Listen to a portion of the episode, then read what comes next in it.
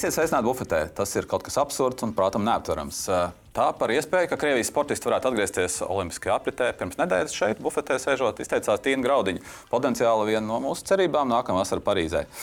Diemžēl pat labi viss liecina, ka vilciens ir nolikts tieši uz šīm sliedēm.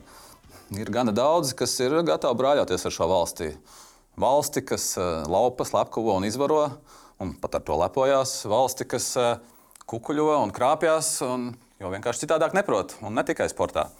Kā šajā situācijā rīkoties Latvijai? Par to mēs šodien parunāsim bufetē kopā ar Jānu Janšvicu, kā ierasts. Un Jānis Buku, pa kreisi no manis Latvijas Olimpiskās komitejas prezidents. Sveiks, Jānis, prieks tevi redzēt bufetē. Sveiki! Labvakar! Jā, aizdomas, ka gan daudziem tu joprojām esi tāds, teiksim, visnotaļ nezinām personība, tāpēc varbūt sāksim no tā gala, ka, nu, kādam tu esi kāds, kurš ieņem to vaknu, to krēslu, no kur tur blīkšķi izlidoja priekšgājējs bieži tu jūti tādus skatienus, ka nu, tādas piesardzības, kas tas pa putnu, ko no viņa gaidīt, eh, nav tā tava apbružāšanās sporta vidē bijusi tāda gadu desmitiem, kā mēs esam pieraduši ar mūsu ierastajiem funkcionāriem. Nu, tas varbūt pat ir labi, ka man nav šīs gadu desmitiem ilgās pieredzes. Jo, eh, Līdz ar to man nav arī tie stereotipi. Uh, jā, un, un stiķi un niķi, ja, kas, kas varbūt mm.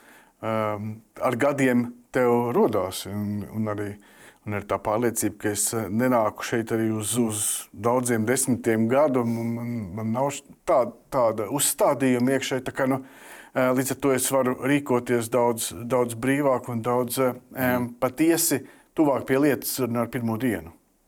Tavs sporta veids ir volejbols, ar ko tu sāki nodarboties 12 gadu vecumā. Jā, apmēram 12 gadu vecumā, ja es pareizi atceros. Jā, tas ir tas, uh, nu, parasti ar volejbolu sāk tajā vecumā nodarboties. Jā, līdz, līdz pat jā, uh, Rīgas volejbola skolas uh, absolvēšanai un pēc tam arī universitātē. Nu. Pēc tam pēc universitātes jau tā, tā spēle kļuva vairāk tāda, tādā hobija līmenī, kad uh, jā, ar puišiem. Uh, vai, vai ar darba kolēģiem uzspēlēt pāris reizes nedēļā. Aizgāja tieslietas finanses tajā virzienā. Ja? Uh, faktiski, jā. Es uh, studēju uh, tiesību zinātnes, es beidzu Latvijas Universitāti, juridisko fakultāti. Um, kā jurists strādāju gan ne pārāk ilgi, bet faktiski jā, es aizgāju uh, finanšu sektorā. Uh, ilgus gadus es biju dažādi leasing biznesā, vairākās kompānijās, un pēc tam e, Nordea bankā un Luminor bankā. To arī 19. gadā, faktiski 18. gada beigās beidzās mana e, finanšu karjera. Olaņfēm laikam ir tas, no kā tevi zina, un teiksim, no, no kurienes tev sagaidīja sporta sabiedrība. Tas bija tas, ko viss atķeksēja. No turienes. Jā, jā Olaņfēmā es esmu e, kopš 2019. gada. Līdz ar to arī jau piektais gads iet faktiski. Ja, kā, nu, neesmu ne brīdi nožēlojis šo savu izvēli, lai arī jā, tā bija tāda um, mešanās nezināmajā savulaik, jo finanses un farmācija ir dažādas, pilnīgi dažādas jomas un nozeres. Bet to, um, ko es tagad tiešām um, ar, ar, ar prieku baudu savu klātesamību, ka milzīga uzņēmuma transformācija, ka tev ir jāpagriež tas kuģis pilnīgi citā virzienā. Tev ir jā, jāveic milzīgas izmaiņas, reizēm nepopulāras. Kā, jā, tā ir tāda dzīves un darba pieredze, ko patiesībā neviena universitāte nevar, nevar tev sniegt. Mhm. Tavs studiju sākums sakrita ar laiku, kad daļa jauno cilvēku pagūva izbaudīt PSRS armijas priekus. Vai tu arī pagūvi izbaudīt? Es pagūvu izbaudīt uh, vienu gadu, kā es saku, es ielecu aizējošā vilcienā. Bet, uh, tā kā, jā, šķiet, ka tas bija 89. gads, pat nepilnu gadu, faktiski no 88. gada decembra līdz 89. gada augustam, kad man bija tā iespēja atgriezties. Tā kā, jā, mēs, Tos jaukumus tu um, drusku dabūji.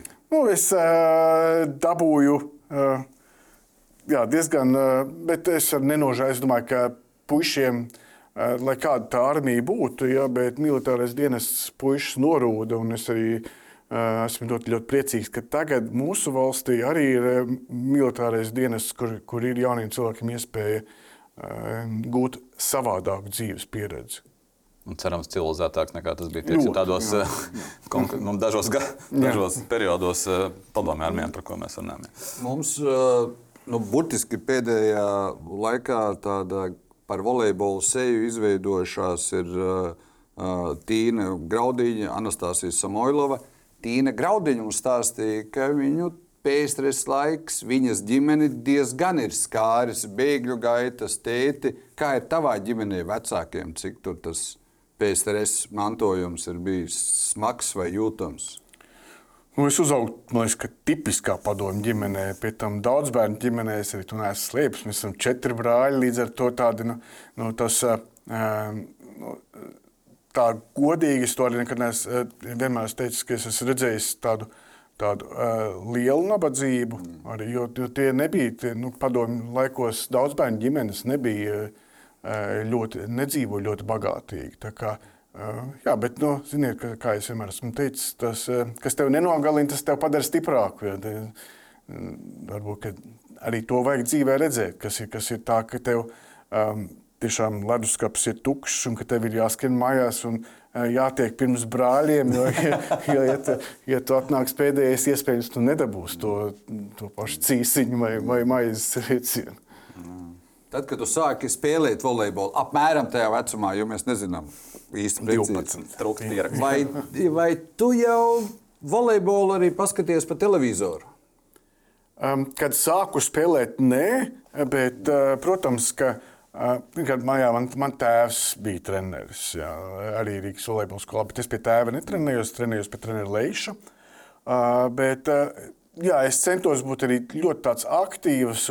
Sākumā, kā, kā visi mazie puiši, arī es, es biju bumbiņu padevējs, vēlāk līnija tiesnesis. Un, un man ļoti, man ļoti, ļoti tā spēle patika. Un, un arī Es atceros Rīgas sporta pili pilnu, es atceros Dāngos sportam pārpildīt, kur nav, nebija kur uh, ābolam nokrist.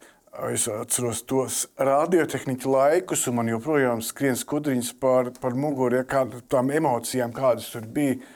Un laikam arī tāpēc tagad, joprojām, kad, kad man ir iespēja, piemēram, kad sarunājos ar, ar Pāvelu Siļevānovu, kad sazvanamies, sazvan, tad nu, es pieceļos kājās, jo tas, tas respekts pret tiem elkiem vai, vai, vai Raimons Vilde, ja, ka, nu, tas respekts pret tiem elkiem uh, ir ārkārtīgi spēcīgs, un tas nāk no bērnības un jaunības. Tev bija uh, elks, viens no elkiem, Seļivānaus, tā kā Valdis Valters ir basketbolists, viņš nebija tev tik liels elks, pareizi? Nu, jā, volejbola elki, protams, bija spēcīgāk. Jā. Bet, uh, es kā man tie basketbola cilvēki mazliet tuvāk ir. Tikko arī Valdis Valters VF podkāstā stāstīja, ka viņi ļoti nopietni gatavojās uz 84. gada Losandželosas spēlēm. Un tur bija manā atmiņā tas pirmais brīdis, kad jauc kopā sporta ar politiku, vai mēs gribam vai negribam. Un tur jau tā puse vai tā valsts jau Viņi bija tie, kas neļāva saviem sportistiem, tā skaitā Valdim Valteram, aizbraukt, ko Valdi šobrīd uzskata, ka viņa komanda bija viena no favorītiem. No, tur atkal nevis kāds cits viņam neļāva. Tur viņi. Vai tu, to 80, jo Seļvānaus jau var tuvu tajos gados, viņa tas nu, laukums, ziedu laika volejbolā bija. Jā, bet es, es to tajā laikā neatceros. To, to, es atceros arī Losandželos to, to um, spēļu boikotu no Padomju Savienības puses, bet eh, no, nožēlojam, jā, ka um, to jauc sporta politika, bet laikam jau tas ir neizbēgami pasaulē, ka, nu, diemžēl, politiķi jauc sporta politiku un uh, tas ir Es pat neteiktu, ka jauts. Es teiktu, ka sports ir politika bijusi daudziem ilgus gadus, jā. un, un otrādi. Tā kā nu, traki nožēlojam, bet nu, tas tā ir. Jā, jā bet man atkal ir. Uh droši vien tā informācija, kas pieejama šobrīd, tici vai netici, jauca jau faktiski sākot ar 778. gadu pirms mūsu ēras, Olimpijas ciematiņā, tur, kur lai varētu sarīkot šīs pirmās spēles, arī tur seno grieķu pilsētu valstis caur olimpisko spēļu panākumiem, viņi sāka jaukt. Tur tā cilvēku daba. Un ar visiem boikotiem. Vienkārši tā ir. Tā kā. Nu, laikam neizbēgams process. Neizbēgams Nu, ka, process, jā. mēs, Diemžēl Jā. esam šī procesa sastāvdaļa arī šodien. Jā, tieši pat tāpēc to ir arī runa. Droši vien, ka nu, ir pagājuši 40 gadi, mēs esam faktiski atgriezušies pa, pa, pa, pa spirāli, teiksim, tā, kā tas bieži mēdz notikt, ka Olimpisko spēļu boikots pie noteiktiem apstākļiem šobrīd gandrīz vai priekšnosacījumiem, priekšnosacījumiem šķiet tāda tā kā, gandrīz vai loģiskākā izvēle. Varam mēs tā teikt, ka ir kaut kāds paralēls starp šiem, starp, starp to, kāda bija toreiz. Nu, okay, mēs, jūs, jūs to varbūt atceraties eh, vairāk nekā es, jo man tomēr bišķi mazāk vēl bija. Eh, Pieci tikai, bet, eh, bet, bet eh, jā, nu, tas ir paralēls. Mēs taču varam vilkt, vai ne? Nu, ir, sanāk, ir vesela grupa ar valstīm, kurām ir nu, šķiet šis lēmums loģisks, lai arī miera, miera laikos tas, lai kā, lai kā šķistu kā, de, kā, kā mēs deklarētu, kas ir Olimpiskās spēles, kas ir miers, kas ir principi, kas ir laistu baltos balāžus, bet realitātē viss ir pavisam savādāk. Nu, es jau ceru, ka, jā, ka mēs nekad neatgriezīsimies pie tādas situācijas, kādas bija, kāda bija 1984. gadā Losandželosā Jā. un 80. gadā Maskavā. Nu, tās bija divas jā, tādas lielvaras, lielvaru preti, pretstāvēšanas. Liekas, nu, un tad, nu, bet, nu, ceru, ka mēs līdz tam vairāk nenonāksim. Bet, nu, Bet jā. vienlaicīgi ir uh, sākot ar to pirmajām spēlēm, tas 707 uh, 776. gads pirms mūsu ēras. Miers valdīja Olimpisko spēļu laikā. Bija seno Grieķu pilsētu valstīm. Nu, kā kurš tur vēsturnieks uzrakstīs, vai tikai lai nokļūtu tajā Olimpijā, vai lai sagatavotos, valdīja miers. Un uh, Piers de Kubertēns aizejot Pirmajā pasaules karā arī nolika savas uh, starptautiskās olimpiskās komitejas prezidenta pilnvaras. Un 96, 1898. gadā rīkojot pirmās modernās spēles, tas viens no olimpiskās kustības pamatprincipiem ir miers. Man tā ļoti neierakstās prātā tas, ka turpinās notikt tas, kas turpinās notikt, un mēs mierīgi plānojam spēlēt. Un, uh, tas Damokla zobens virs galvas ir, ka tā viena valsts, lai ar kādiem karogiem. Respektīvi, Kāda ir tā, tā subjektīvā sajūta, ņemot vērā, ka no vienas puses eksistē Olimpiskā harta, kas nu, skaidri un gaiši paredz, ka boikoti ir nelikumīgi, un no Nacionālās Olimpiskās komitejas apņemās būt ārpus politikas un vispār šie lozungi. No otras puses ir olimpiskie principi, jeb ideāli, par ko Jānis jau runā, kas acīm redzami šobrīd tiek, nu, kuriem nezinu, pat ne pretrunā nonāk, vienkārši brutāli tiek uzspļauts eh, no, no vadošās starptautiskās olimpiskās komitejas puses. Teiksim, pat ne starptautiskās olimpiskās komitejas, vispār sporta vadības daudzos līmeņos, federāciju. Uh, nu, mēs redzam, ka ir vēl kāds kopā, vēl kāds kopā tie, tie, tie gadījumi, kad uh, pa sēdes durvīm mēs laižam, un dažreiz pat pa parāds durvīm. Nu, Kāda ir tā sajūta? Kur pa vidu, kur pa vidu ir tā, tā, tā, tas kompromiss vai tā, tā, tā patiesība? Nu, to mēs redzēsim, eh, es domāju, tuvākajā nākotnē, kāda būs tā starptautiskās, eh, vispār starptautisko eh, sporta organizāciju tie lēmumi. Pirmais bija jā, šis Paralimpiskās komitejas lēmums un UEFA lēmums par, par Krievijas eh, U17. U17. Es gan neesmu es, ne, tādā, tādā dziļā detalizācijas līmenī, es neesmu iepazinies ar šiem lēmumiem. Mm. Es uh, saprotu, ka Paralimpiskās komitejas lēmums bija, jā, ka uh, Krievijas sportisti varēs starpēt zem neitrālā karoga. Jā. Uh, nu, tas ir, jā, ir, tas ir sirdsapziņas jautājums. Jā, vai, vai, Vēl arī par sirdsapziņām. Nu, tas viens viedoklis ir, ka Adolfs Hitlers 1936. gadā apglabāja Kubertēna idejas par mieru. Pirmo reizi uzskatāmi izmantojot olimpisko kustību, olimpiskās spēles, savu ideju paušanai, nešanai pasaulē, demonstrēšanai. Nu, kad faktiski tad sekoja komercializācijas un tā tālāk. Bet tas 36. gads tāds diezgan melns krusts seno grieķu un kubertēna idejām. Ļoti iespējams, tā, tad tas ir tā, patiesībā tā mūsdienu jau. Uh, Olimpiskās idejas bija 40 gadu garumā. Jā, jā. jā bet, nu, diemžēl tas tā laikam tā ir. Nu, kad, kad, Ceļš tādas autorit, autoritāras valstis, kā, kā toreizējā Vācija vai, vai mūsdienu Krievija, ja, tad izmanto, ļoti izmanto sportu um, to savu um, nelietīgo ideju nešanai. Ja. Nu, tā godīgi, tad es jau, nu, mans personiskais viedoklis, neredzu baigo atšķirību starp uh, fašistisko Vāciju un mūsdienu Krieviju. Tas ir, nu, nu palielam jau tas ir, tas tā kā divas ūdenslāsas.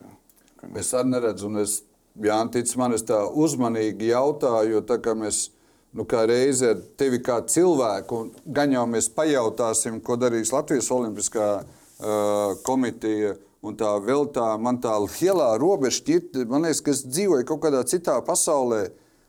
Gan par UEFA runājot pagājušā nedēļā, gan par paralimpisko kustību. Atkal jau jautājums, visu laiku mēs runājam par Krievijas sportistiem. Kur viņi tiks, kur viņi netiks? Tie cipari, un... un es nedzirdēju, atkal, lai tie būtu ANO augstā komisāra, tie cipari, cik miruši ir Ukrāņu sportisti, kuri vairs nekad nepiedalīsies nevienā spēlē. Cik, cik kā Ukrāņiem sagatavoties uz paralimpiskajām, uz olimpiskajām spēlēm vai kaut vai uz U-17 Eiropas čempionātu? Viņi par to nerunā. Viņi neliek nu, kaut vai vienos svaru kausos, neliek par krieviem. Kā nabaga krievu jaunieši, 17 mm.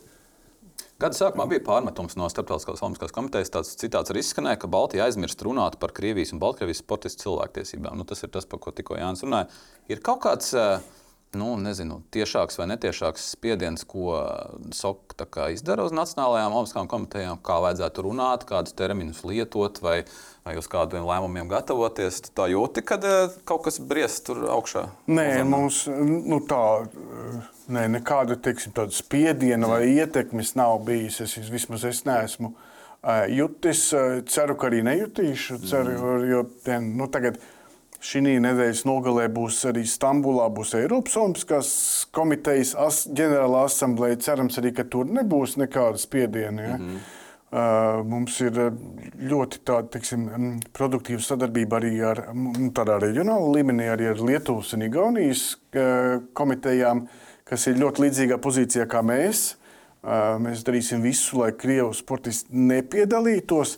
Nu, um, te ir jautājums, Tālāk, nu, ja mēs redzam pirmo šo putniņu, ja pirmos divus putniņus, mm. ja, kas, um, kas, tiek, eh, kas tagad uzlidoja gaisā, es nedomāju, ka bet tas ir mans personiskais viedoklis, ja, ka, ka tā ir tāda uh, nejauša rīcība. Ja. Es domāju, ka tā ir. Ka tas jau ir, nu, tas ir tāds pirmie, pirmie soļi, pirmie mēģinājumi. Un, un, nu, tad redzēsim, kā, kā būs, kāda būs tālākā rīcība arī no starptautiskām uh, sporta organizācijām. Bet jums ir kaut kāds plāns, nu, kopā ar pieminēju ar Baltijas kolēģiem, nu, kas notiek, ja, ja jūs mēģināt, nezinu, pārliecināt, uzrunāt, pastarpināt, nopirkt vai iebiedēt, vai kādā veidā ietekmēt, kas ir tas, kā jūs atbildat, vai kas ir kaut kāds, kas ir tas solis, kā, ko tādā brīdī spērt? Es neesmu jutis tiešām ne, ne, ne tieši, ne netieši spiedienu. Es domāju, ka mani kolēģi arī nē. Uh, bet, um, ja tāds būs, es nu, par to netaisos klusēt, jo man ir, nu, šī ir tāda ļoti principiāla lieta. Uh, nu, mans, man ir arī personu, mans personiskais um, teiksim, viedoklis, ir ļoti kategorisks. Ja, bet, nu, protams, ka man ir. Um, Mans personiskais viedoklis nav uh, visas olimpiskās kustības jā, viedoklis. Tā ir jāpārstāv organizācija. Jā, nevis, jā, tā kā nu, uh, bet, uh, bet uh, viennozīmīgi nu, man arī nu, tas nevar īsti tādā veidā ietekmēt un, un e, draudēt. Vai, mm. bet, es ceru, ka tā, ne, tā arī nekad nenotiks. Par tiem risinājumiem runājot. E, tu tieslietās esi spēcīgāks nekā mēs ar Jāni. E, Kopā un reiz divi. Un reiz seši. Es varbūt uzdošu vienu jautājumu, ko man uzdeva iepriekšējais, Olimpiskās, iepriekšējais ne, viens no iepriekšējiem Olimpiskās komitejas prezidentiem, kurš arī ir jurists spēcīgs. Uh, Kāpēc Olimpiskā, Latvijas Olimpiskā komiteja un cita Ukraiņu atbalstošos Nacionālās Olimpiskās komitejas neierosina, lai SOK aptur Krievijas un Baltkrievijas Nacionālo Olimpisko komiteju atzīšanu, apturēt atzīšanu, kas attiecīgi nozīmētu, ka viņi automātiski nevar piedalīties. Un, jautājums būtu izšķirts, respektīvi, nebūtu boikotu vispār nekādu runu, draudu un tā tālāk. Pateic, nu, balstoties uz apstākļiem, kādos ir iesaistīta Krievija un Baltkrievija, ir pastāvēta tāda iespēja apturēt to darbību starptautiskajā organizācijā. Vai tam atkal ir nepieciešams atbalsts, kuru reāli nav iespējams nodrošināt? Grūti pateikt, es mēs neesam šādu jautājumu diskutējuši. Un, man tiešām nav, nav arī tāda redzējuma. Varbūt es neesmu tik spēcīgs šajās, šajā juridiskajā jā. Plaknē, kad jā, šīs starptautiskās atzīšanas vai neatzīšanas. Jums... Nu, acīm redzot, ja neviens to nav darījis, tad tur ir kaut kāda zemūdens akmeņi. Bet, jā. bet, bet, jā, Note, tās... Ja tas būtu viegli izdarāms, tas tiktu noteikti izdarīts. Mm -hmm. Bet tas, acīm redzot, nav tik viegls process. Jā, ne atkal jau Tīna Graudiņa mums teica un atgādināja, un nu, es vismaz to ļoti labi saprotu, kā notiek uh, rokas pulsa turēšana, ko darīs Ukraina un Ukraiņas Olimpiskā komiteja. Jo ir bijuši brīži, ieskaitot Latviju, kad mēs stingrāk vēršamies pret saviem sportistiem. Ko ko dara Ukraina, kā tur tas pulss, sazināšanās, vai, vai viņi jau nemainīgi ir pateikuši, ka ja jebkāda, zem jebkāda karoga Ukraina, Krievija, Baltkrievija brauc uz Parīzi, tad Ukraina nepiedalās šajās spēlēs. Nu, mums ir regulāra, regulāras sarunas, teiksim, mēs neesam fiziski tikušies, bet, bet regulāras Zoom sarunas ar, ar Vadimu Gutsaitu, kurš ir um, Ukrainas Olimpiskās komitejas vadītājs un arī sporta ministrs vienlaicīgi. Nu, viņa viedoklis ir tāds, ka nu, nevajag arī uh, histerizēt šo, šo situāciju. Ja? Viņa, uh, viņa, viņu redzējums, Ukrāņu redzējums, ir, ka viņi piedalās šobrīd visās kvalifikācijās un atlasēs. Uh, Uh, jo, ja viņi nepiedalītos, tad viņi, tad viņi viennozīmīgi ne, ne, nebrauktu uz uh, Parīzi. Uh, viņi ar krieviem nesveicinātu, viņiem ir vesels protokols, vesela grāmata, kā rīkoties katrā konkrētā situācijā.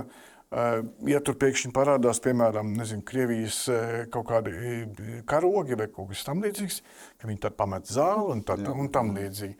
Par tālāko rīcību um, viņš teica, ka viņi spriedīs pēc Startautiskās Olimpiskās komitejas lēmuma, kurš kongress būs, jeb asamblēja būs 15. un 17. oktobrī Mumbajā, kur vismaz kā runā, uh, varētu būt uh, kaut kāds lēmums par uh, šo Krievu un Baltkrievu dalību.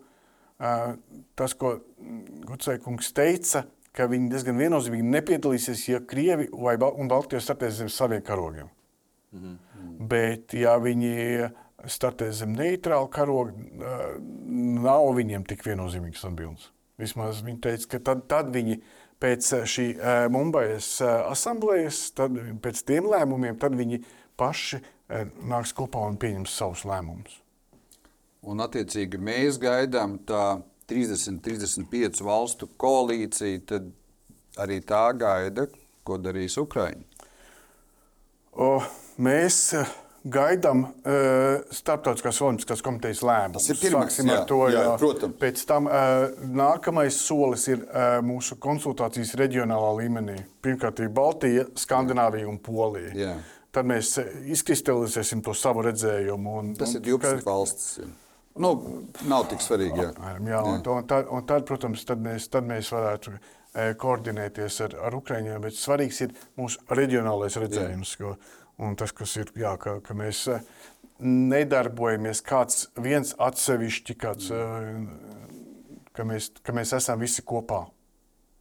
Bet pagaidām tie ir tādi pieņēmumi, ja, ka tajā uh, Mumbajā varētu būt pieņemts lēmums un tālāk jau at, at, Jā. Atkarībā no tā, tad jau Ukrāņi spriedīs. Līdz ar to mums vienkārši tas pirmais šāviens ir jāgaida, kad eh, Soks kaut ko pieņems. Jā. Un kad tieši to izdarīs, mēs nu, nu, eh, garantiju nav. Sagaidāms ir, ka Mumbajā, bet, eh, var gadīties, bet nu, var gadīties arī, jā, ka, ka nekāda lēmuma netiek pieņemta. Nu, jā. Tas, kas mums šobrīd ir, ir Paralimpiskās komitejas lēmums. Protams, ka tev īsti ar to sakaru nav, jo arī Latvijā ir atsevišķa Paralimpiskā komiteja, kur ir savs, savu prezidentu. Un, un savu vadību. Bet, eh, nu, viņas tas vēstījums, eh, es nonākot tajā situācijā, kurā tu noteikti nevēlies nonākt, ka tiek pieņemts šād, eh, šāds lēmums no augšas.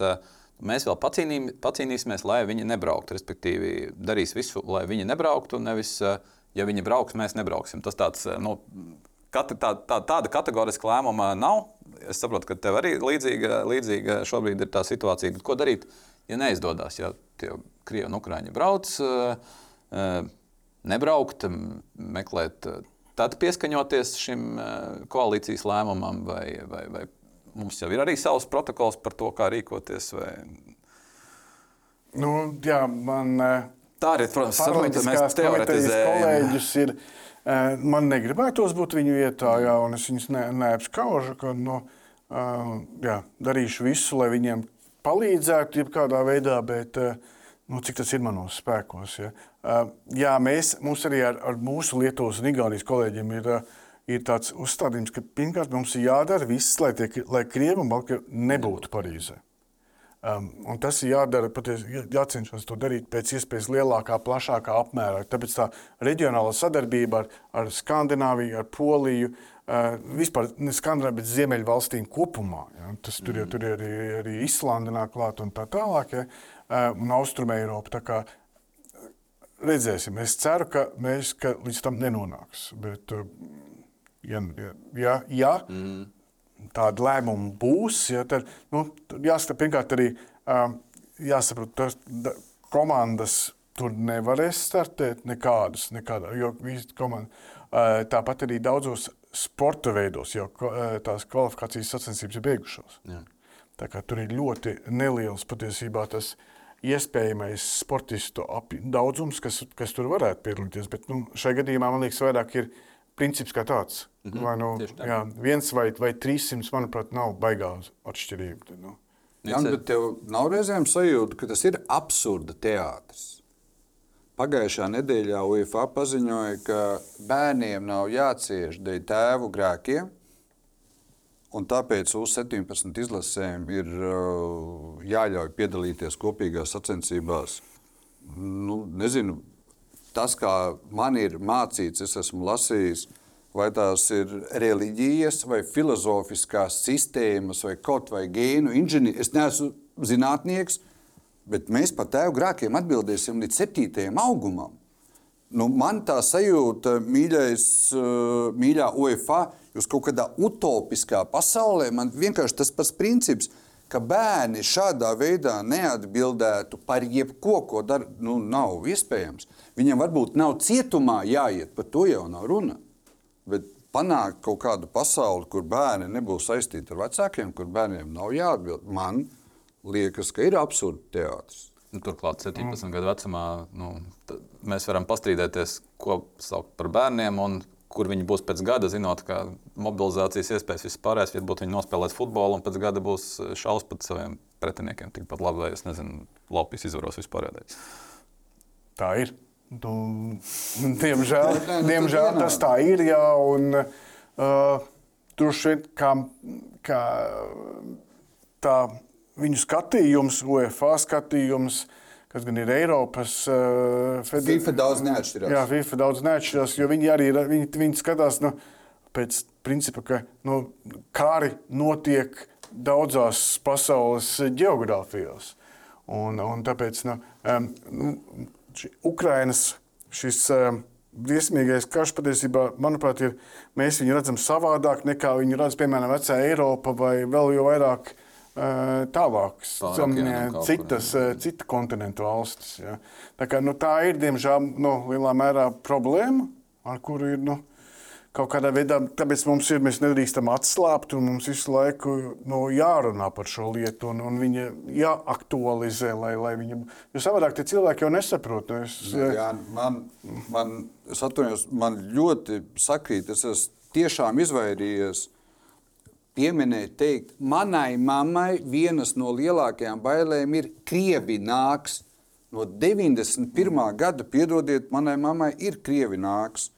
Un es esmu nereizi paudis, man bija šokējoši, ka Eiropas Savienības valstī Latvijā un NATO valstī Latvijā, lai nojauktu okupācijas pieminekli, bija jāsākās Ukrainas karam.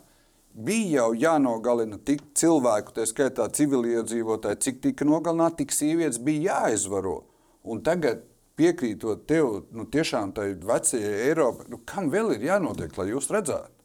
Kam vēl uh, viens no, vēl viens absurda, manā skatījumā, absurda pasaule, viens no šobrīd tuvākajiem Putina līdzgaitniekiem Medvedevs, kurš ir bijis valsts prezidents, nu, praktiski atklāti draud rietumu pasaulē ar atomieroču lietošanu pret rietumu pasauli.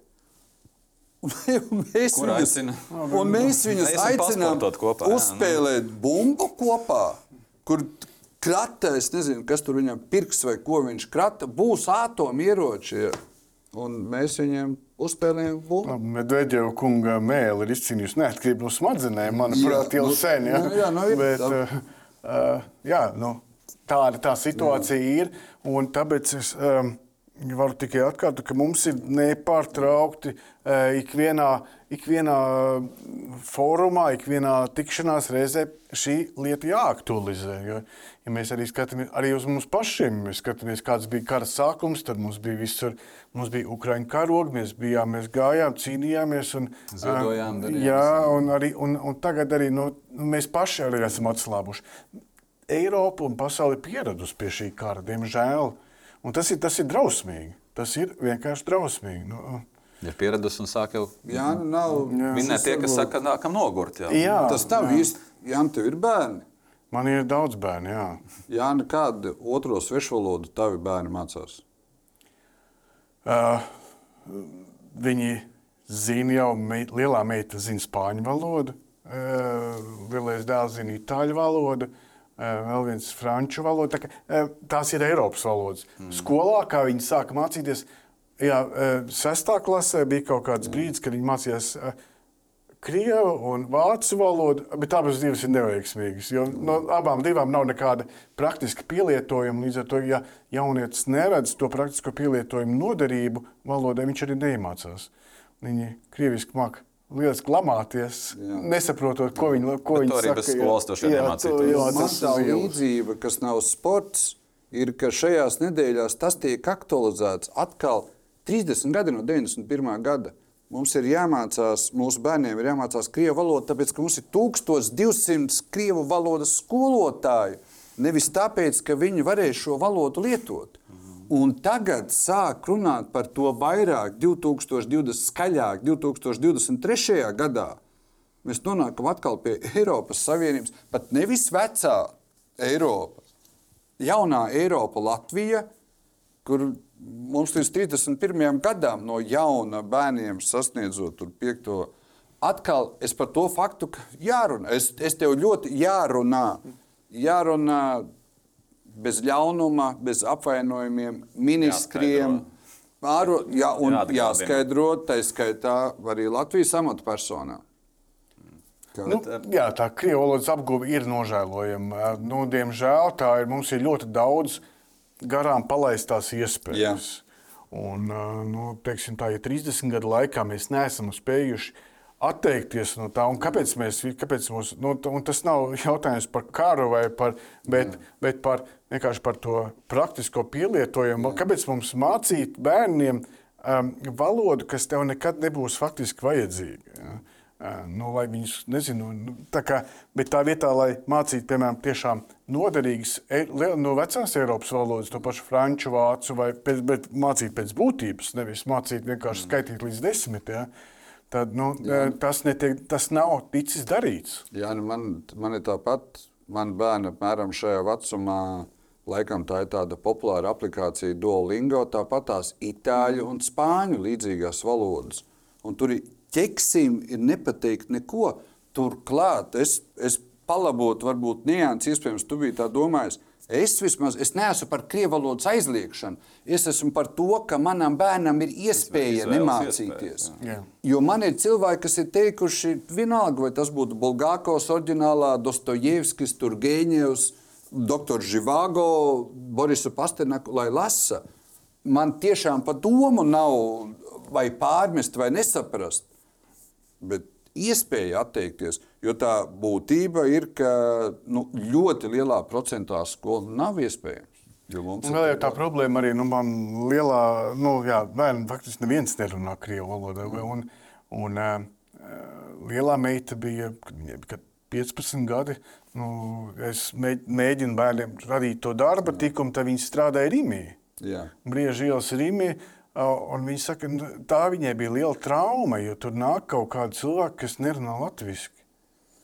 Un, un viņi nerunā krieviski. Ja? Nu, faktiski tev ir kaut kādas sabiedrības daļas, kas nespēj savā starpā komunicēt. Nu, protams, ka tā ir vecākā paudze, bet vai tāpēc mums viņiem nu, bet jājūtās vainīgiem ir ne tāpēc mums? Jā, un, un e, tāpēc jaunieti jūtās vainīgi, un tāpēc viņi negrib, negrib to darbu darīt, jo viņi nerunā krieviski. Nu. Tas un, ir nožēlojami. Bet jā, ne tikai. Ļoti līdzīgi man nevis Rīgā, man viesnīcā meita tieši tam pašam gāja cauri. Kaut kā lāpījās, sākot ar tām darba pārunām, kaut kā lāpījās, un tā tālāk, un tā joprojām. Bet atkal, kā Igbārs pieminēja, mums jābūt vainīgiem, bet es visu laiku paturu prātā, ka jārunā vienkārši par to. Un turklāt es, es to šogad sapratu. Pie tiem bērniem es uzskatu, ka es pazaudēju pusotru gadu. Es ar tādu reizēm indīgu balsi, es biju sapratis, ka es pusotru gadu esmu par to klusējis. Un es neesmu mm -hmm. par to, ka šajā mācību gadā, oktobrī, 10. vai novembrī, 15. dod daba, ka pēc gada tajā nākamajā ciklā atrastu to veidu, ka uh, kaut vai, un tu vēl vienu lietu pieminēji. Es tā skaitā saviem bērniem. Otrā svešvaloda kopumā, piedodiet, ir daudz maz ķeksīšu pēc, piedodiet. Tas, ko es zinu, mana bērnu vide, kam vajag uh, ārvalstu augstskolā vai kam vajag darbā, pirmo svešvalodu. Mēģina sameklēt privātu skolotājus un mēģina nostiprināt šo valodu. Mīļie draugi, pārējais posmā, acīm redzot, nu, es saprotu, ka mēs varam iztikt ar vienu svešvalodu. Cik ātri mums būs lietuviešu, igauņu, skandināvu valodu, itāļu, spāņu valodu skolotāji, tik būs. Bet pagaidām tiem, kas vēlas, lai ir iespēja atteikties. Runāšana, labi. Mēs aizgājām šausmīgi. Pagriežamies atpakaļ pie sporta. Tieši par šo runājot, ar ko tu sāki, tev ir, tu jūti to, ka tev individuālās sarunās nākās skaidrot, pārliecināt savus pat kolēģus vai uh, citu, no citām nacionālām olimpiskām komitejām šādos formos, kur tu satiecies, vai ir kaut kādas situācijas tepat vietas Latvijā ar citātiešiem, kur tu saproti, ka viņi nesaprot, par ko mēs te cepamies. Nē, man nav bijis tāds. Ne, ne, ne ar kolēģiem. No mums ir gan, jā, diezgan arī tāds latvisks un patriotisks tas kolektīvs. Nē, es domāju, ne uz vietas, bet ne, starptautiskos fórumos, teiksim, lai nav. Nu, Nu, man, Kaut kas jau nobalso par to Krievu laišanu. Pieredze starptautiskajos formos nav milzīga. Jā, man ir tikai tik daudz, cik mēs jā, komunicējam ar nu, tādā reģionālā līmenī, kur nav problēmas mm. ar, ar sapratni. Nu, redzēsim tagad, kā, man, kā mums ies tagad. Um, piekdienu un sestdienu Stambulā, mm -hmm. bet es netaisos klusēt. Un, un, un tas, ir, tas, tas ir principiāls jautājums. Jo, nu, um, par šīm lietām ir jārunā. Un, ja tu viņus neatkārtos un necels visu laiku neaktualizēs, tad, tad vienā brīdī nu, mēs paši jūtam pēc sevis, ja, nu, ka, nu, mm. ka nu, ah, okay, jau nezinu, 580. kara diena iet. Ja, nu, oh, nu, Skaitam tikai. Jā, tikai, tikai liekam tos. Jauno cipari pāršķirāmies. Bet, bet, nu, tad es mēģinu sevi uz, uzjundīt. Nu, tā mm. nedrīkst patiesībā. Nu, tas tā, jo tā ir milzīga traģēdija. Mm. Klautā, es saprotu, 35 valstu koalīcija, kas tagad skaitās. Ja, jebkurā gadījumā, tāpat kā jebkurā uzņēmumā, viss nonāk pie kaut kādiem pāris cilvēkiem, kas tomēr pasaka izšķirošo vārdu, lai arī cik visi būtu vienlīdzīgi. Kas tur šobrīd dominē? Kuras valsts ir tās, kas kā, nu, pasaka kaut kādu skaļāku vārdu, kur ir tie kapteiņi un kapteiņa asistenti, ja mēs valkam paralēlus ar, ar, ar, ar komandām? Ir tādas sajūta, ka tur ir kāds vairāk deg par to lietu, un kāds varbūt vienkārši gatavs piebalsot. Vai... Varbūt mēs tie esam.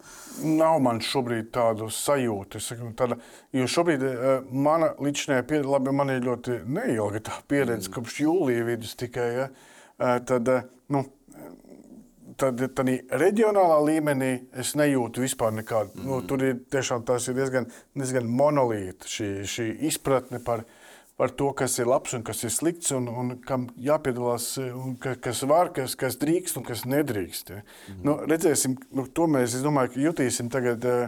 Um, Žēl, ka mūsu saruna nav nākamajā nedēļā, bet, bet tad, es, tad būtu vairāk tas, to, to sajūtu līmenī, jā. Jā, dabūsim vairāk saprast. Bet es domāju, ka tur nav baigi, baigi atšķirīgi, kā, nu, vismaz, kā es lasīju par, par Paralimpisko komiteju. Jā, ka, nu, ļoti, domāju, ka nu, tas Āfrikas valstu daudzums ir, ir liels, ja, kas, kas ir Krievija atbalstoši. Ja. Nu, nu, tā pati bijusī PSRS, ja, kas, kas mm. nu, te ir svarīgi, ka, ka te ir gan Sokai bija cita tā, tā. Es tieši gribēju prasīt, kāda ir tā procedūra. Tā procedūra ir, ir savādāka. Tur ir ievēlētie locekļi, ja mm. tur nav tā kā valsti. Parlamentiskā komitejā ir valstis, tad šeit ir ievēlētie locekļi. Piemēram, Latvijai vispār nav balss. Mm. No Baltijas valstīm Lietuvai ir Lietuvas valsts komitejas vadītāji, ir soka locekļi, bet, mm. bet citu, citu nav. Mēs tikko par temperatūru runājām. Es sapratu par tām valstīm, mm -hmm. Jānis atbildēja. Mm -hmm kāda ir temperatūra Latvijas sportistu vidū. Jo mums ir sportisti, kas, kas ir mazākumā, kas ir diezgan skaidri pauduši savu nostāju. Un ir sportisti, pat nerunājot par tiem, kas arī šobrīd spēlē Krievijā, kas tā puslēpti iespējams brauktu un piedalītos Parīzes spēlēs. Lai ar ko viņiem jāpiedalās šajās spēlēs? Vai jūs to mm. Olimpiskajā komitejā? Maira brieža statusā esoši, teiksim, tā varbūt zem tāda segvārda liksim, nu, tāda izpratnes eh, un, un šīs situācijas redzējuma ziņā vispār. Ir, mēs esam kaut kā mēģinājuši pataustīt, kas notiek. Jo... Nu, vismaz tādā oficiālā sarunu, sarunu līmenī. Nu, tur neviens neteiks, jā, viss, viss ir. Skaidrs, bet, jā, tādā, nu, nu, kā mēs arī jutām, arī, teiksim, tādā pašā Loka priekšvēlēšanu, nu, teiksim, prezidentu diskusijā, prezidenta kandidātu diskusijās. Ja, nu, e, nu, nu, nu, bija tomēr tas, tas viedoklis. E, bija tāds, ka nu, sportistiem tas ir unikāls e, četru, četru gadus notikums, ka nu, mums ir jāļauj, ka sportistiem nevajag ciest un tam līdzīgi. Ja. Mm. Tā kā, nu, tāds, un es domāju, ka es pieņemu, nu, tagad tādā varbūtības līmenī, saku, nu, ka ir daļa sportisti, kas tā arī uzskata. Jā, ka viņi, viņi labprāt brauktu, neskatoties ne uz ko. Nu jā, bet tas varbūt būtu svarīgi saprast, cik, cik īstenībā ir tā slēptā daļa. Jo nu, es pieņemu, ka arī ka tāda ir, to mēs zinām. Es domāju, ka līdz ar to pat nenojaušu, kādus uzvārdus šeit varam saukt. Jo mēs te pie hokeja, mēs hokejā ir tikai zināmie daži, kas spēlē KHL, un daži, kas tur strādā arī kā treneri, bet ir arī tādi, kas mums spēlē NHL un ir, ir teiksim, tā, pat ne tikai tādā līmenī, tā, viss jau nemaz nav tik viennozīmīgi līmenī, bet pat arī bišķiņi vairāk argumentēja šajā mm. līmenī. Tāpat gan Elvis Mērsdīkins, gan Teodors Bļūgers ir tieši tāpat ļoti ērcīgi kļūst, ja viņiem kaut ko mēģina pajautāt par to, kā viņi attiecās pret Krievu hokeja spēlēšanu ar HL un vispār par šo konfliktu. Tas ir nu, tā stipri. Tās atbildes ir, eh, ja tās kļūtu publiskas, tās būtu ļoti riskantas. Tāpēc es domāju, ka kāda ir tā olimpiskā ģimene, vai tā ir tik draudzīga un sēž pie viena galda. Un, Un... Es domāju, ka Olimpiskā ģimene tieši tāda pati kā pārējā sabiedrība. Mm. Mums ir, domāju, ir gan eh, ļoti principiāli cilvēki, ir arī kas ir mazāk principiāli. Vismaz, mm. no, te, te, man liekas, ka šis nav vairāk tāds nacionālitātes jautājums, cik cilvēka ne, iekšējo vērtību tāds mm. barometrs. Ja? Jo ir arī cilvēki, piemēram, uh, varbūt, ka, nu, varbūt nav plašāk zināms, bet, piemēram, Eh, bijušais eh, Latvijas eh, hokeja izlases fiziskās sagatavotības treneris, kurš bija arī MVD treneris un, un kopā ar Zāroku Jurijs Danovs, ja, kas bija arī SKA, piemēram, viņš nestrādā Krievijā. Mm -hmm. Viņš atteicās strādāt, kaut arī viņš, no, um, viņš, uh, viņš varēja strādāt kā, tas ir iekšējo vērtību barometrs, kā nu, katram ir savs, ja, nu, vai, tas nav atkarīgs no nacionalitātes. Mm. Tur ir bez tiem, ka cilvēki ir dažādi. Es neesmu īsti vēsturnieks, un tu tādā pilnīgi noteikti neesi vēsturnieks. Pēc pieminētajām 36. gada spēlēm uh, bija paredzētas Olimpiskās spēles Tokijā 1940. gadā.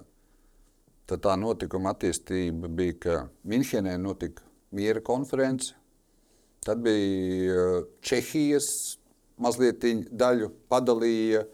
Tad 39. gadā slepeni tur Latviju, Ribbentrop-Molotovu pakts. tad jau sāka lēnām uh, Poliju. Mierīgi visu izdarīja, kas jāizdara ar Poliju. Sadalīja Krieviju ar, ar, ar, ar, ar PSRS. Man liekas, ka nu, it kā vienlaicīgi daudz gadi pagājuši, un vienlaicīgi netik daudz, tas uzreiz nebija otrais pasaules karš.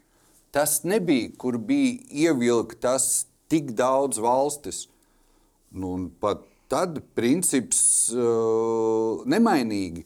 Piedodiet, bija arī pirms 40. gada Olimpiskajām spēlēm jāiesaistās karā tik un tik valstīm, un bija jānogalina tik un tik cilvēku, lai tās nesarīkotu ne Tokijā, ne, ne Helsinkos, kur mēģināja tomēr rīkot.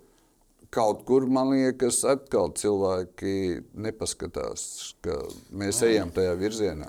Jautājums, kur ir tā robeža, kā kuram Jā. cik, ir, cik vajag eh, tās galvas un cik vajag tās asinis? Un kas ir tā, manu, jā, manuprāt, ir tā, tā, tā mūsdienu vecā Eiropa ir pilnīgi savādāka nekā viņa bija pirms uh, tiem 70 gadiem, un tās vērtības ir pilnīgi savādākas. Mēs vairāk uztraucamies par uh, dārgu elektrību un dārgu desu nekā par uh, cilvēku dzīvībām, un tas, tas ir traģiski. Tas tā, nu, diemžēl, tā, tā, nu, tā, tā evolūcija ir notikusi. Nu, tur ir kaut kam fundamentāli jāmainās, lai, lai pasaule, lai tā nu, izpratne cilvēkiem mainītos. Klāsts tur racionāli. Atpakaļ mazliet atkal pie racionālā no vēsturiskā. Šķēpi tiek lausti par, mēs visi zinām, Latvijas basketbola izlase ir pasaules kausā izcils sniegums šobrīd varbūt ir uz, kar, uz karstām asinīm rīkot vai nerīkot Olimpisko kvalifikāciju Rīgā. Izmaksas pietiekami liels, par 5-6 miljoniem. Un, uh, šobrīd kā, man ir tāda sajūta, ka īsti no, ar vienu roku mēs gribam, visi jau gribam tikt Parīzē un gribam spēlēt basketbolu. Mēs esam gatavi tērēt 6 miljonus, ar otru pusi, ar otru, uz otras rokas mēs kā svaru kausa. Nu, iespējams, ka mums te, nezinu, tur nebrauksim, jo, ja attīstīsies tā, kā attīstīsies, un tiks pieņemts tāds lēmums, ļoti liela iespēja, ka mēs tur vispār nebrauksim kā valsts. Uh, ir kaut kādas, kāds tev prasa, konsultējās no Basketbola Savienības, uh, cik lieli ir riski par to, ka, ja mēs sarīkosim, tiksim, bet beigās varam neaizbraukt, uh, un tad būs tie miljoni tur izbērti. Un, Kaut kā tā mēs izsveram šīs lietas. Ir kaut kāda lēmuma, kas Latvijā ir jāsaprot, jāpieņem un kaut kādā kontekstā jāskatās ar to iespējamo braukšanu vai nebraukšanu uz Parīzi. Uh, Nē, mēs uh, par, par, no šāda aspekta neesam neviens runājuši. Mm -hmm. Mēs esam runājuši jā, par to, vai, vai ir jā, ilgspējīgi ieguldīt nezinu, 5 miljonus vienu turnīru sarīkošanai, bet tas ir tie viedokļi dažādi. Citi jā. saka jā, un citi saka nē, ņemot vērā to, to absolūto nabadzību, kāda ir sporta finansējumā, un arī to budžeta situāciju. Cilvēki saprot arī, kāda, kāda ir faktiskā, ko mēs varam atļauties kā valsts, ko mēs nevaram, bet par to, vai mēs sarīkosim un tad neaizbra, uzvarēsim un neaizbrauksim. Ne, nu, šī brīža tā izpratne šobrīd, kad mēs sēžam 2. oktobrī, tad mēs, nu, mums ir jābūt Parīzē. Mhm. Nu, tad, tad, Tālākie jautājumi jau ir pēc tam, kad, eh, nu, kas notiks. Tad tā izējas pozīcija ir jā. tāda, ka mēs rēķinamies, ka Latvija ir Parīzē, un nu, pie tā mēs arī strādājam. Tā skaitā jā. finansējot olimpiešus un uh, ejot, braucot uz visiem kvalifikācijas turnīriem, tāpat kā to dara Ukraiņa. Un, Tieši tāpat. Jā. Tāpat arī tagad, ja mēs, eh, mēs ar Kārli tagad, oktobra vidū jau lidojam uz Varšavu, uz runāt ar 4F, jo mums ir kāda tāpat basketbola komanda. Ir, jo 4F ir mūsu partneris eh, apģērbā. Un, un Paralimpiskā komiteja ir arī mūsu, tā ir mana apņemšanās, ka, ka, mēs, ka mums ir jānodrošina, kā arī Paralimpiskās komitejas uh, komanda ir, ka mēs esam vienādi apģērbti. Ja. Tā kā, nu, mēs darīsim visu, līdz, līdz, visu, kas ir mūsu spēkos, lai uh, Latvijas komanda gan, eh, jā, gan paralimpiskā, gan, eh, gan parastā Latvijas eh, komanda sagatavotos pēc iespējas labāk. Mm -hmm. Tagad ir kontakts ar Paralimpisko komiteju pēc šī, pēc šī lēmuma. Nē, esmu uh, kopš piekdienas runājis. Nē, esmu, nē, bet es arī uh, vēlējos, lai šīs emocijas un tas, tā, lai viņas bišķi norimst. Ja? Mm -hmm. un, tad, tad, un arī pats es gribētu iepazīties vairāk detalizēt ar, ar, ar pašiem pieņemtiem lēmumiem, jo bieži vien mēs mēs veidojam savu redzējumu no virsrakstiem tikai, ja? no, no, mm -hmm. neiedziļinoties lietas būtībā. Tā kā es gribētu šo saprast, izrunāt arī ar Dadzītas kundzi un Apinas kundzi, ja, ka, nu, kādā veidā viņas to redz, jo tas ir ārkārtīgi svarīgs, viņu redzējums. Mm -hmm. jo, nu, un es zinu, ka viņas ir ļoti principiāls. Un, nu.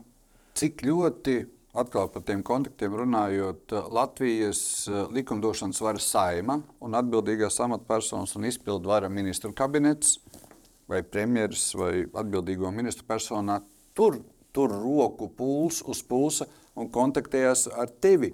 Jo pagājušajā nedēļā pēc UEFA lēmuma un pēc Startautiskās paralimpiskās komitejas lēmuma par Krievijas pielaišanu spēlēm zem Baltā karoga. Tur tie paziņojumi no tribīnes eh, bija nu, man saprotami, bet tie, tā arī bija reakcija uzreiz pēc UEFA un Startautiskās paralimpiskās komitejas, ka tad mēs mainīsim likumus, lai nevarētu uh, ja es nekļūdos, Krievijas U-17 izlase iebraukt uh, Latvijā un spēlēt, un lai mūsu sportistiem nebūtu iespēja spēlēt ar Krievijas uh, sportistiem, vai domājot uz priekšu, tā Parīz, tā, tās Parīzes spēles ir vispēc nepilna gada, vai tur ar tevi tiek uzturēts uh, kontakts no saimas vai no ministru kabineta? ko rīkoties, kā kopā, kas jāpieņem vai nav jāpieņem? Mēs esam regulārā kontaktā. Un, jā, tā pagājušās nedēļas reakcija bija, bija jā, uz, uz ļoti nu, nekavējoša, un, kas, kas, kas, ir, kas ir ok. Jā. Bet, jā, tas, manuprāt, tas ir Nacionālās sporta padomes. Sporta padome tiks sasaukta pēc, pēc Mumbajas, mhm. kad tad mēs arī redzēsim vairāk to, sapratīsim to, to kopējo perimetru, kāds viņš izskatās. Nu, tad, nu, nu, redzēsim, nu, grūti teikt. Nu, patiesībā tā skatāmies par to pašu. Uh, uz 17 futbola čempionātu viņš man liekas 27. gadā. Tas ir diezgan, diezgan tāls. Tas, uh, ja, mē, ja šī problēma radīsies, es domāju, ka viņi būs jārisina. Vai viņi vajag risināt šodien nekavējoties, uh, nu, varbūt mēs varam viņu atdzesēties, atdzesēt galvas un tad tiešām izsvērti, argumentēti pieņemt lēmumus. Un, ja viņš ir nespēlēt, tad viņš ir nespēlēt. Ir jārespektē. Es pie, piekrītu katram vārdam. Es arī domāju ļoti līdzīgi, vienlaicīgi. Mana sajūta ir, ka Krievijas puse spēlēs savu šahu, spēlēs savu spēli. Krievijas pusē, es domāju, mums nav jāiet par detaļām, cik ārkārtīgi labi viņi māca īstenot maigo varu. Tas ir U-17 futbola izlašu lēmums, ir ķīļa iedzīšana jaunajā, vecajā, jebkādā Eiropā, un tas šachs un tā viņa spēle, es domāju, ka viens no tādiem jautājumiem, ne jautājumiem, virzieniem būs, lai paliek maz laika par Parīzes spēlēm. Ja tas čempionāts ir tāds vēl ļoti ilgi, nu, tas viņa šaks, viņa domāju, uzmanību ar eh, visu laiku. Viens testē, es atceros un piekrītu, ko tu teici, un vienlaicīgi tur ir tas, tas timetable, tas laika tā līnija, Viņi ir izdomājuši, ko kurā brīdī, kad un kāda lēmuma. Turklāt tas strādā, ņemot vērā, ka Vācija jau ir paziņojusi, ka viņi spēlēs ar šiem U-17. Un, un te mēs jau redzam, ir 12 valstis, kas pateikusi, ka nespēlēs, Jā. un ir Vācija, kas pasaka, ka spēlēs. Es domāju, ka Kremlī kāds sēž un smaida un skatās, kā mēs viņiem forši atkal sadalījām. Jā, bet uh, arī 12 valstis ir daudz patiesībā. Tās ir, nu, tās ir arī lielas un nozīmīgas valstis. Ja, tā kā uh, nu, nav, nav tik uh, viennozīmīgas. Tas nu, ir tas, kāpēc vajag ātru reakciju. Pirmā reakcija ātru un kategorisku, un tālāk jau racionāli izsvērt varbūt detaļas, bet Jā. tā reakcija ir jābūt, jo ja mēs visi klusēsim, un runās tie, kas tomēr jā, ar viņiem spēlēs, tad tas narratīvs aizies Kur? pilnīgi pretējā virzienā. Pieminēja balto karogu, Jānis. Tu tici vispār šādam neutrālā, neutralitātes statusam? Sportistiem, kas startē zem pieciem olimpiskiem riņķiem un nekādā veidā neatbalsta to, kas notiek viņu dzimtenē un tā tālāk. Personīgi es neticu tā, nu, kā, kā pilsonis. Mm -hmm. ja? un, nu, kā sports un valsts ir nesaraujamas lietas. Ja, un, un arī sportists, neviens sportists nevar sagatavoties, sagatavoties kā sportists profesionāli bez valsts atbalsta.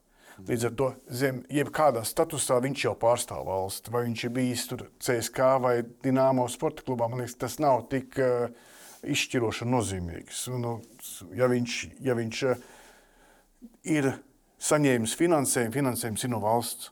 Nedomāju, ka tur ir uh, tāda privāta, mm. varbūt atsevišķi tenisisti, kas startē un dzīvojuši un, un gatavojušies visu mūžu ārzemēs. Uh, varbūt tie ir kaut kāds izņēmums, bet principā jau sistēmiski, jo tā ir valsts. Jā, tā kā, nu, es personīgi neticu, bet nu, jā, laikam tas vispārējais priekšstats ir, ka. Nu, mm ka tas tā ir. Atkal jau ārpus tas burbuļi.